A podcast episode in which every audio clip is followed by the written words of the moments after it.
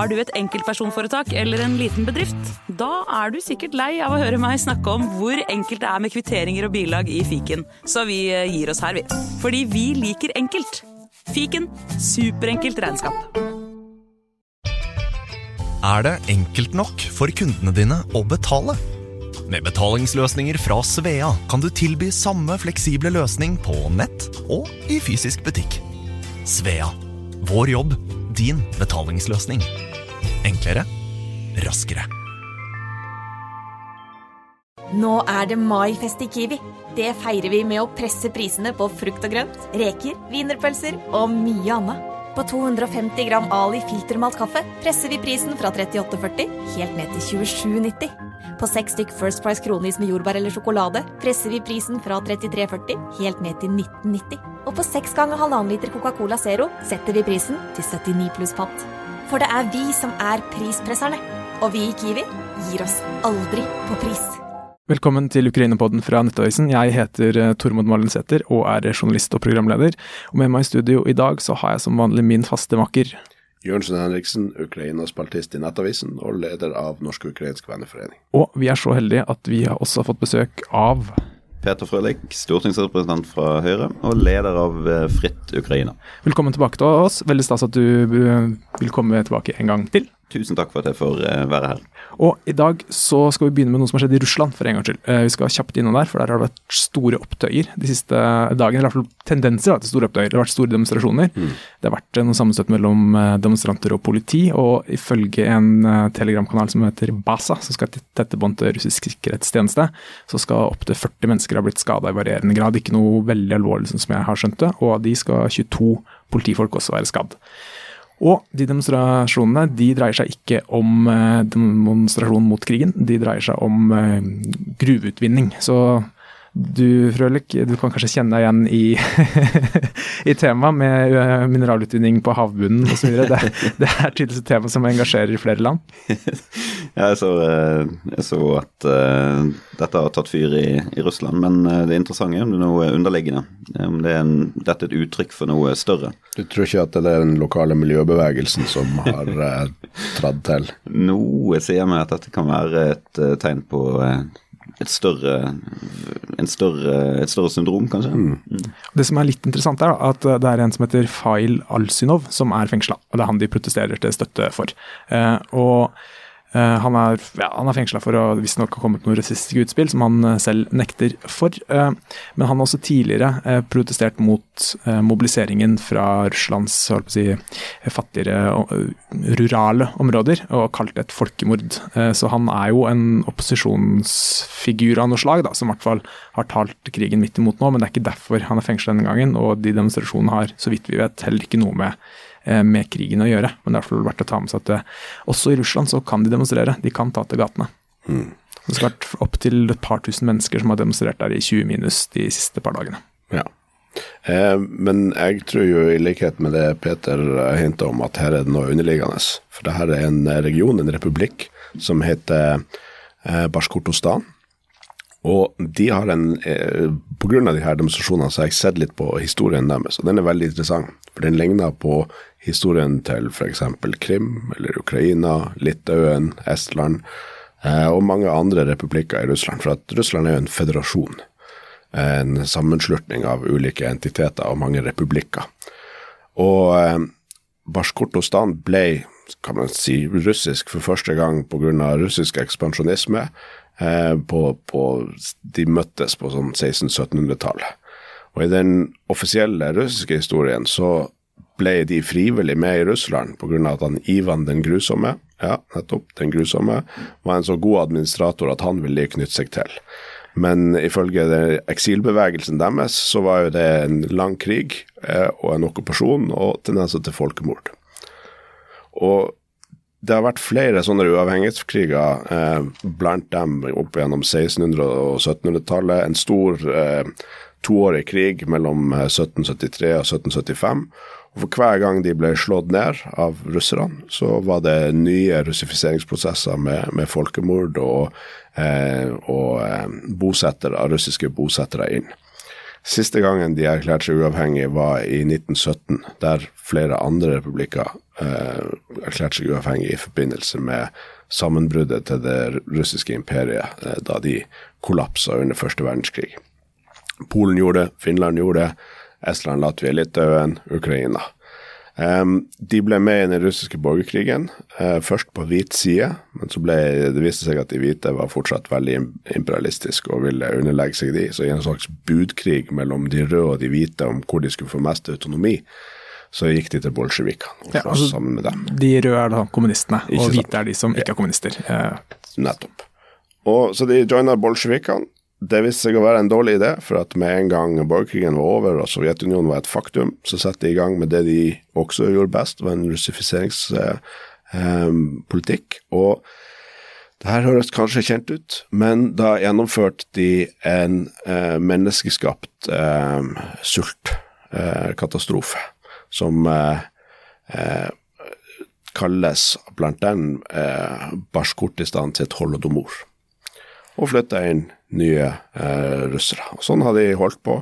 Eh, så i 1991 igjen så starta de opp igjen eh, når eh, Sovjetunionen knirka i, i, kantene og ville ha eh, uavhengighet. De ble sammen med Gorbatsjov enige om en, en sånn ny autonomiavtale som ga de veldig stor frihet, egen president og, og sånne type ting. Og den holdt helt fram til Putin ble president. Så i tidsrommet 2002 til 2005 så utarma han den avtalen og sa den opp i 2005. Eh, og det som har skjedd videre siden da, er jo også veldig interessant. Det er sånne ting som jeg ikke var klar over, men det er en prosess som har skjedd i hele, i hele Russland. er at eh, de har fått mindre og mindre autonomi. De hadde sitt eget, Det er en veldig oljerik region. De hadde sitt eget oljeselskap som heter Brasjnjeft. Det ble en del av Rosneft.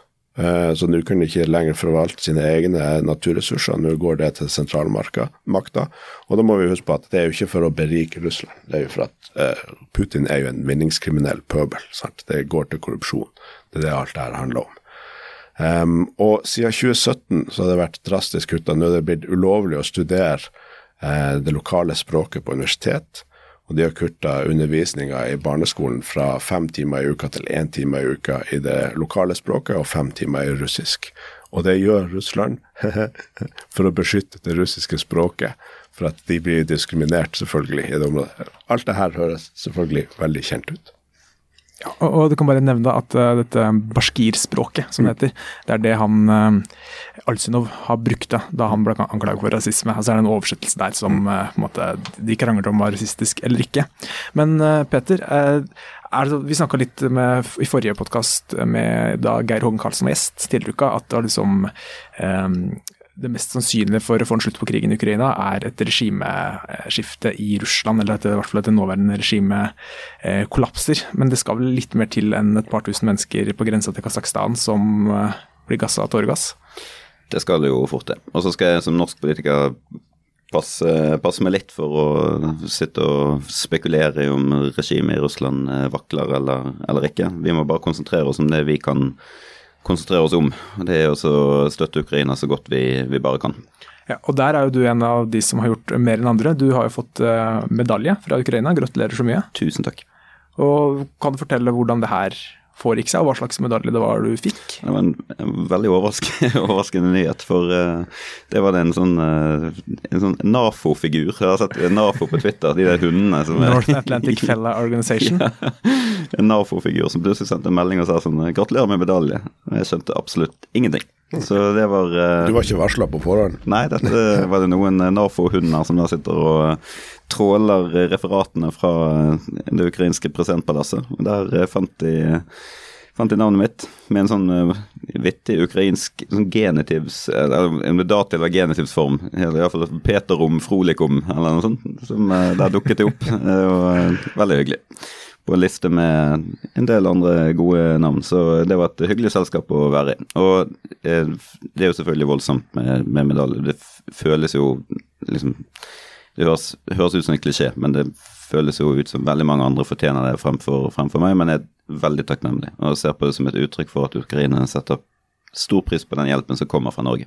Ja, for Det er jo helt, altså det er imponerende det dere har fått til, og veldig veldig kult at, at uh, du da blir satt pris på med den medaljen. Og så da kan vel også, uh, som du sier, det er jo, du er jo ikke Fritt Ukraina helt alene. Det er jo en stor organisasjon med mange, mange dyktige folk. og så kult at det var jo stas for de andre og resten av organisasjonen å se at uh, det blir satt såpass stor pris på at lederen deres får får en ukrainsk utnevnelse. Det er veldig stilig. Det er over 100 frivillige nå som er i gang, og vi har tusenvis av donorer.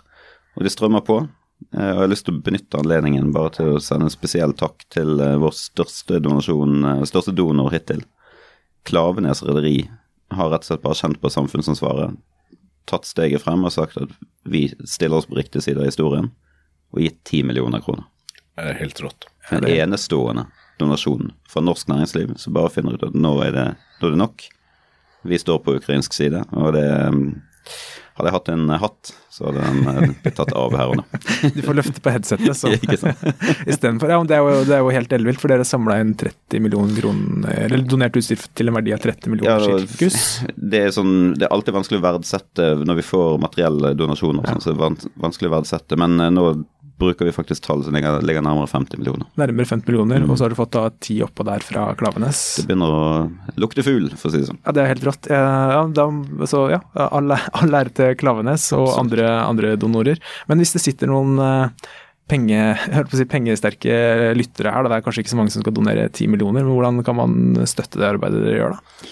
Ring meg handling foran ord, er det ikke?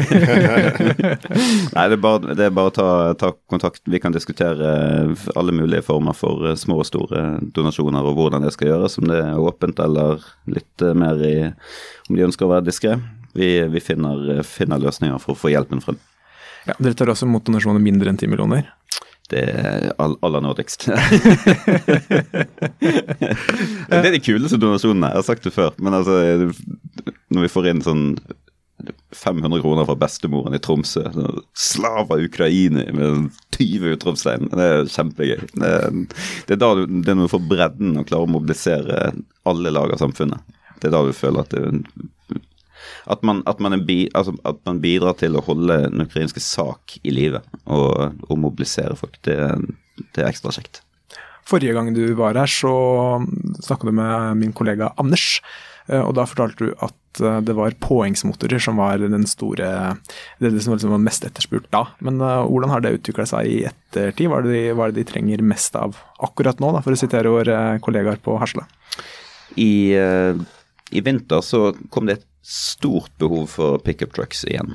Dette svinger jo litt, men det er helt naturlig. Når vinteren setter inn, snøen setter inn, veiene er elendige, føret er elendig, så er det firehjulsdrevne pickup trucks som, som, gjelder overalt. Så Vi fikk eh, veldig mange akutte forespørsler om det, og vi kastet oss rundt. Og bare i løpet av desember måned og litt i januar så har vi levert rundt 40 pickup trucks med frivillige fra Norge som kjører inn i Altså, det er greit nok at Oslo stopper opp når, når det kommer noen centimeter snø, men, men de forholdene der nede, i snøstorm, å få levert i biler jeg skulle virkelig hatt en hatt, altså, for den går av igjen. Det er helt enestående å se norske frivillige stille opp på den måten. Altså. Vi klarte å få frem alle biler. En og annen bil med en bulk her og der, og et knust blinklys og et sidespeil som ryker. Sånn er det. Litt i grøften går det, men alt gikk bra. Bank i bordet. Ja, og disse bilene de har veldig kort levetid langs fronten. Jeg, har lest noen tall på jeg husker ikke de akkurat nå i hodet, men det er snakk om uker og ikke måneder i hvert fall. Før de enten, altså, enten er utslitt eller truffet av artilleri eller et eller annet. Så det er jo et enormt forbruk. Veldig mange av bilene de, de får et ublidt møte med artilleri. Jeg fikk tilbake et bilde her for noen ja, det var en måned eller to siden med en av bilene våre sprengte fillebiter opp ned. Heldigvis. Alle overlevde. Vilt. Og de, jeg, vet ikke hvor utbredt det er, men mange av disse bilene også forsterka med forskjellige panser. At de, de, sveiser på stålplater og, og gjør det litt mer uh, motstandsdyktige. Og så er det jo begrensa hvor uh, altså, Du kan jo ikke gjøre det om til en stridsvogn, men uh, de panserer jo så godt det lar seg gjøre. De er veldig Petter Smart. Det er kult å se. En av Volkswagen Caravellene som vi leverte, den, den hadde bare et stort varerom bak. Etter Etter noen dager på ukrainsk verksted så kom den tilbake igjen med ni seter baki. Det så ut som de bare rullet opp sidedøren, så det så ut som sånn Black Hawk-helikopter. og eh, det var sveiset på metall i alle bører og kanter, som eh, kan, eh, kan i alle fall beskytte mot håndvåpen. Mm. Og kanskje også noe lettere miner. Ja. Og de brukes da gjerne til å altså, frakte tropper, men også viktig for medisinsk evakuering. For det er jo, i, Da Norge var i Afghanistan, så hadde jo i for resten av Nato, så hadde jo luftherredømmet kunne fly fram og tilbake som ville med helikoptre. Men det er jo noe av utfordringen i Ukraina, at de kan ikke fly for nærme frontlinjen. Og det å hente ut skadde soldater er nest, ja, til tider nesten umulig. Og det er mange der som dør av egentlig ganske enkle skader, som ikke hadde krevd så mye å, å redde livet til, men så får, blir de ikke frakta bort, og så ligger de i en skyttergrav og og dør av skader som kunne Hadde de kommet seg litt bak fronten på et uh, sånt uh, Kall det et sykehus, da, men en sånn sykestue i hvert fall, så kunne de blitt redda. Og Det er det disse bilene også er utrolig viktige for å hjelpe til med. Absolutt. Vi har fått tilbakemelding om at de bilene vi leverte bare så sent som i, i desember nå, de har allerede reddet mange liv. Mm. fordi at de uh, det handler bare om å få ned tiden så fort som mulig, og at de biler fungerer når det virkelig trengs. Og de kan, de kan kjøres hardt på dårlige veier, og det redder liv. Så vi har også begynt med prosjekter nå for å finne norske lastebiler. Mm. Og rett og slett bygge lasterommet om til mobile feltsykehus. Mm. Utrolig stilig. Altså, ukrainerne er fantastisk kreative. De kan da bygge moduler som inni en norsk lastebil, så kan du da plutselig trekke ut på hver side eh, liksom containere inni containere, og plutselig så har du bare en stor koloss med medisinsk fasilitet på hjul. Billig, enkelt, genialt. Jeg vil tro det er flere lastebileiere enn skipsredere som lytter til Ukraina-podden. Sånn, statistisk sett så er det, er det, noen som har en lastebilhenger til overs, så er det sikkert da bare å ta kontakt. Gjør det. Eh, vi kjøper eh, lastebiler nå, og eh, det eneste kriteriet er at lasterommet bak må være 240 cm høyt. Så vet vi det. Ja, det er ikke fordi ukrainerne er spesielt høye, regner Andre, ja, Vi skal ikke gå lenger inn på det. Og eh, Hvordan ser du for deg videre arbeidet til Fritt Ukraina? Nå skal du eh, gi deg på topp, nå som du har fått, eh, fått hedersmedalje og gått inn i historiebøkene sånn. Nei, vi kjører på som, uh, som aldri før. Donasjonene stormer jo på, og vi uh, kommer til å holde operasjonene gående. Det er dønn nødvendig. Men vi har sagt at vi er der så lenge, så lenge, det trengs. Det er ukrainerne som bestemmer når dette skal ta slutt. Vi er der for dem, så, så, lenge, det, så lenge, det, er behov for det. Ja, as long as it uh, takes, som de sier i, eller sa i USA. Ja. ja. det håper jeg de sier fortsatt. Jeg var litt irritert da de sa det en stund. For én ting er as long as it takes, men jeg syns det er bedre når de sier at uh, vi skal være der til seier. Mm. Men ok, nå, jo, nå, får vi ta til takke med, med, det vi får fra USA, for de um, er ute på ville veier. I alle fall det republikanske partiet. Ja. Jeg fikk ikke noen gode nyheter fra Iowa heller, så eh, vi får eh, stålsette oss. Men eh, hvis du hører på denne podkasten før klokka seks i dag og bor i Oslo-området, så anbefaler jeg å komme på bakgården på Grünerløkka, for at der har Fritt Ukraina møte i, i, dag og skal fortelle om arbeidet dere gjør, og, og litt oppdatering om hvordan ting går i Ukraina. Og kjøper man en øl i baren her, det er ikke lov å drive alkoholreklame, men kjøper man en øl i baren, så går pengene til Ukraina. Så eh, drikk for, eh, drikk for Ukraina. Ja, det er en av de si, morsommere måtene å, å, hjelpe til eh, på. Ja, så det, det, Du har to alternativer. Hvis du har ti millioner liggende og slenge i sofaen, eller noe sånt, så kan du donere. det. Hvis det ikke, kom og drikk øl i bakgården. ja, har du ti millioner til over, så har du sikkert råd til begge deler, ja. vil, jeg, vil jeg tro. Men, men du snakka om at donasjonene fortsatt At dere det er doneringsvilje eh, fortsatt. Eh, men har, har dere merka noe til denne dyrtida, som eh, både vi i media skriver om, og dere, spesielt dere i opposisjon er, er, er flinke til å, til å, minne om? Altså er, det, er det mindre eh, giverevne nå enn før, eller merker dere ikke så stor forskjell på det? Jeg kan ikke si at vi har sett en stor forskjell på det. Vi, vi har statistikker over donasjoner, og vi har kun sett ett markant fall i løpet av denne perioden og det var oktober 2023. Ja. Naturlig nok, etter det som skjedde med Hamas' terrorangrep mot, mot Israel. Ja, og da sank det litt, men nå har det på en måte kommet seg opp, opp igjen. Mm. Skjønner. Og det, ja, det er bare interessant å høre, for jeg vet at det har vært flere Veteran Aid Ukraine, som er en annen, kall det en søster, eller i hvert fall en lignende organisasjon som dere, som bidrar med Mitt store forbilde en ja. gang i tiden. De, det var de som egentlig var med å inspirere til, til oppstart. Fantastiske folk, og um, all ære til, til det arbeidet de gjør ja, en liten shout-out, som man sier på nynorsk, mm. til, eh, til de. Eh, de. de. har bl.a. vært eh, spesialisert seg på droner og donere, donere, det, som har vist seg svært effektivt i Ukraina. Men jeg har sett at de har sagt at det har vært litt vanskeligere å få donasjoner nå i det siste enn, enn tidligere. Så jeg bare tenkte at det var ja, kjekt å høre hvordan, hvordan, det har gått for dere, om det er noe som er over hele linja, eller om det sikkert varierer litt fra organisasjon til organisasjon osv. Mm. Eh, men videre, altså arbeidet videre fremover, er det fortsatt pickuper som, som trengs mest? da? Trenger de fortsatt påhengsmotorer, eller er det, har du noen store prosjekter på innsamlingsprosjekter på gang? Det er eh, pickup trucks som, eh, som foreløpig er på, på, på, menyen. Droner er selvfølgelig også alltid, alltid viktig, og vi, vi, kommer til å levere det også. Det er veldig mye termiske droner om vinteren, fordi det er lite dagslys. og mye mørke og kulde. Så da er termiske droner spesielt effektive. Ja, Sånn termiske droner sånn som kan se varmesignaturen, da. Sånn, yes. Eh, yes. Ja, sånn natt, nattkikkert, som vi kan kalle det, på en måte. Ja, og så blir det spennende å, å se hvor, eh, hvor, veien går videre nå. For de snakker jo om at Ukraina generelt sett går over i en mer defensiv, eh, defensiv modus. Og det merker vi kanskje litt også i forespørselet vi får. Altså Det å spørre om båtmotorer og sånn, det var jo tegn på at de tenkte seg offensive operasjoner, og det gjorde de jo over Dnipro.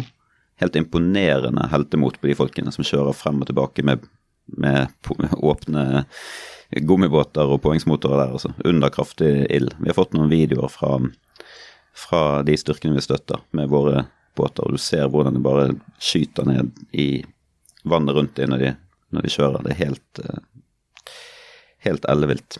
Det er helt sjukt. Veit du åssen det har gått med de folka du traff ned i Kherson sist? Mange av de er i live, og noen er ikke det. Det er sånn det Sånn er det. Eh, men vi skal eh, også snakke litt om eh, denne, disse to Den ene flystyrten og det andres fly som nesten ble skutt mm. ned på søndag. Vi har snakka om det mange ganger, men det er jo en never ending story. Mm. Og der har du noen nye så gravd frem noen nye teorier, Jørn? Ja, så folk som har peiling på, på, luftkrig, sa veldig fort at vi kommer snart til å vite om det var eh, ukrainerne eller om det var russerne som var skutt ned sine egne. Og det var bare å vente og se om, om de flytta eh, de her flyoperasjonene lenger sør eller ikke. Altså Hvis det var et uhell at det var russisk luftvern som skjøt inn der, så er det ingen, eh, ingen grunn til å endre mønsteret. Eh, men det har de så gjort. Nå flyr de lengre sør, i, eh, sør for Azovhavet, i Eh, Krasnodar-regionen. Der flyr eh, erstatningsflyet til eh, A50 i et sånn pattern. Og det tyder jo på at det var ukrainerne som, som skjøt inn ned. Og det er jo det er jo naturlig. Det, jo den, det var jo den mest sannsynlige teorien vi hadde. For at det er greit at russerne tidvis skyter ned sine egne fly, men som du var inne på når vi, vi hadde den ene episoden, at det er forskjell på um, et stort fly som flyr i mønster over Azovhavet, der ukrainerne aldri opererer fly, og det å ved en feil skyte ned et fly langs fronten som er samme flytype som ukrainerne har. Eh, og spesielt de her to flyene som har som sitt eneste ansvar å koordinere luftkrigen. Hvis de da hvis de klarer å skyte ned sine egne koordineringsfly, da står det dårlig til. um, skal jo ikke skal ikke underslå at det alltid vil være en mulighet, men jeg har også hørt teorier om at ukrainerne hadde angrepet noen bakkebaserte radarer i området før det her, for å tvinge russerne lenger nord for å erstatte de radarene. At de måtte bruke A50-en for å få bedre situasjonsforståelse for at de har mista noen radarer på bakken. Så det virker som ukrainerne, og det sier jo det ukrainske forsvaret også, som gratulerte med en godt planlagt operasjon at det her var en plan, at de skulle ta ut det her flyet og tvinge de sørover. Og det er jo mye av det eh, sånne her operasjoner handler om. Det er jo ikke å få skutt ned hvert eneste A50 som russerne har. Her er det første Avex-flyet i krigshistorien som er blitt skutt ned, så å skyte ned resten vil være veldig krevende. Men det de har lyktes med, å trekke de lenger sør, det gjør at det Altså, Da, får de, da har de mindre rekkevidde inn på ukrainsk side, eh, og ukrainerne har større frihet til å drive luftoperasjoner inne på sitt territorium uten at russerne kan vite hva de holder på med. Har det kommet frem noe mer informasjon om hva som kan ha skutt det ned? Jeg synes det er et spennende, spennende spørsmål. Jeg tror at den, det er høyst sannsynlig Patriot. Eh, fordi at når de ble tvunget lenger nord, og, og de fløy eh, nesten ved Melitopol, så er de innafor sånn, ytterpunktene av rekkevidde til Patriot. Eh, og i og med at det her er store, saktegående fly, så er, det, er de mer effektive på, på slutten av rekkevidden. For at de Missilene fungerer jo sånn at de har stor hastighet til å begynne med, og så taper de mer og mer energi helt til de ikke er effektive lenger. Og når på slutten av rekkevidden så har de mindre energi, mindre fremdrift og kan manøvrere mindre. Så hvis du har et jagerfly da og gjør manøvrer for å unngå missilen, så, så har du større sjanse til å lykkes enn hvis du er et stort fly, sånn som en A-50. Jeg er um, ingen luftvernekspert, men jeg, leste kjapt uh, rett før sending om at det har vært uh, spekulasjoner da, at de har brukt, altså, brukt, et S300-system i tillegg. altså at de har, Jeg har ikke helt skjønt hvordan de brukte men at det er et slags koordinering mellom et ukrainsk S300-system mm. og Patriot. Mm. Og så har jeg også lest noe om en slags Franken-Sam. Jeg vet ikke om dere har hørt om det? Jo. Um og det, sånn som jeg har forstått det, så har de brukt radaren til en S300 for å låse på målet, og så har de skutt et Patriot-missil som er mer fire and forget, på en måte. Um, og uten at jeg har inngående kunnskap om hvordan det funker, så, så er vel, føler de seg mindre trua av en S300-radar enn en Patriot-radar, kanskje ja, på en måte det er med på å lure de trill rundt. Da, at det er et, et eh, gammelt, utdatert uh, S300, eller ja, i hvert fall et gammelt S300-system som sikter inn på. Det blir du ikke så bekymra av. Og så sender de av gårde Patriot-raketter. Ja, da er det grunn til bekymring. Ja. og det Frankensam-systemet som du nevner, det er jo en, en slags innovasjon. De har kryssa to systemer, som, som Frankenstein. Uh, sy sammen forskjellige deler. Uh, Buk-systemene til Ukraina er jo stort sett tom for missiler. Så de har, eh, de har eh, fiksa og triksa litt sånn at de kan bruke vestlige missiler på det. Og da er det først og fremst eh, Sparrow, som er en ja, forgjenger til Amram-missilet. Så det er en eldre type tidligere luft-til-luft-missil, men som også bruker pakke til luft. Og Sidewinder, som fortsatt brukes, men tidligere versjon av Sidewinder, som, som F-16 som Ukraina får, også kommer til å bruke, men er mer sånn kort rekkevidde varmesøkende missil. Og det er brukt for første gang som vi vet om, har skutt ned en eh, Shahid-drone med en Sidewinder-missil. Um, det kan man jo si at det er jo et dyrt missil for å skyte ned en, en billig drone, men da har de i alle fall testa systemet og vet at det funker, uh, og at de kan lykkes med det. Ja.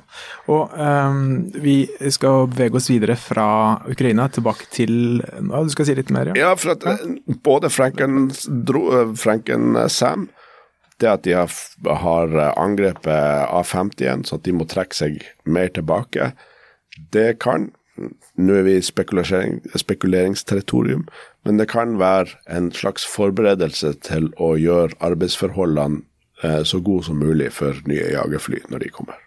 Ja, og det er disse F-16 som de mm. trener på, bl.a. i Danmark, med to norske fly. Yeah. Og det er jo ikke kjent i offentligheten fra før, ikke så veldig interessant heller. Men eh, Norge skal sende mer enn to F-16-fly til eh, Danmark, så det skal være to der til enhver tid, sånn cirka. Men så vil de da rullere litt på, da. Når det er på vedlikehold her hjemme i Norge, så sender de et nytt ned. Så det er ikke lagd noen forsidetitler, men eh, det har du bare hørt på Ukraina-poden. Hvis ikke det var på pressebrifen i Bodø, for det er ingen andre som har skrevet navn. Uh, så det var de eksklusive nyhetene vi hadde. ja, eksklusive nyhetene du fikk her i, i dag. Men vi skal uh, tilbake til Norge og Raufoss, for mm. der her har jo regjeringen fått eh, mye kritikk fra mange, bl.a. Eh, dere to som sitter her. Og mer skal de få. med at eh, de ikke har gitt nok penger til Nammo for å øke artillerigranatproduksjonen spesielt, men også forsvarsindustrien generelt. Og I går så kom nyheten om at regjeringen blar opp to milliarder kroner totalt for Nansen-programmet. Én milliard skal gå til, eh, spesielt til Raufoss for å øke produksjonskapasiteten på artillerigranater og rakettmotorer, hvis jeg skjønte det riktig. Eh, og disse rakettmotorene det er da brukes bl.a. på disse missilene som eh, NASAM luftvernsystemet bruker, og andre ja, missilrakettmotorer, hvis det er noe som heter det. Og så er det en milliard til som de skal måtte, sammen med forsvarsindustrien da, finne ut hva de skal bruke på, da, hvor, hvor, hvor, det, uh, hvor, det, trengs mest. Og jeg, Nettavisen fikk innsyn i et dokument fra um, Nammo som ble sendt til utenriks- og forsvarskomiteen og Forsvarsdepartementet i november. og Da sa de at de, nå trengs det en krigsproduksjon av ammunisjon, eller artilleriammunisjon i verden og i Norge. Jeg spurte han Brentsegg, Morten, Morten Brentsegg, som er organisasjons- eller direktør i Nammo i går, og han mener at nå nærmer vi oss der. altså nå Vi kommer til å komme dit med disse pengene så er alt fryd og gammen og opposisjonspolitiker Frølich. I uh, raushetens tid, er det ikke det het, så uh, har jeg ikke annet å si enn uh, takk, flott, godt levert til regjeringen. Det er veldig bra at dette kommer på, på plass.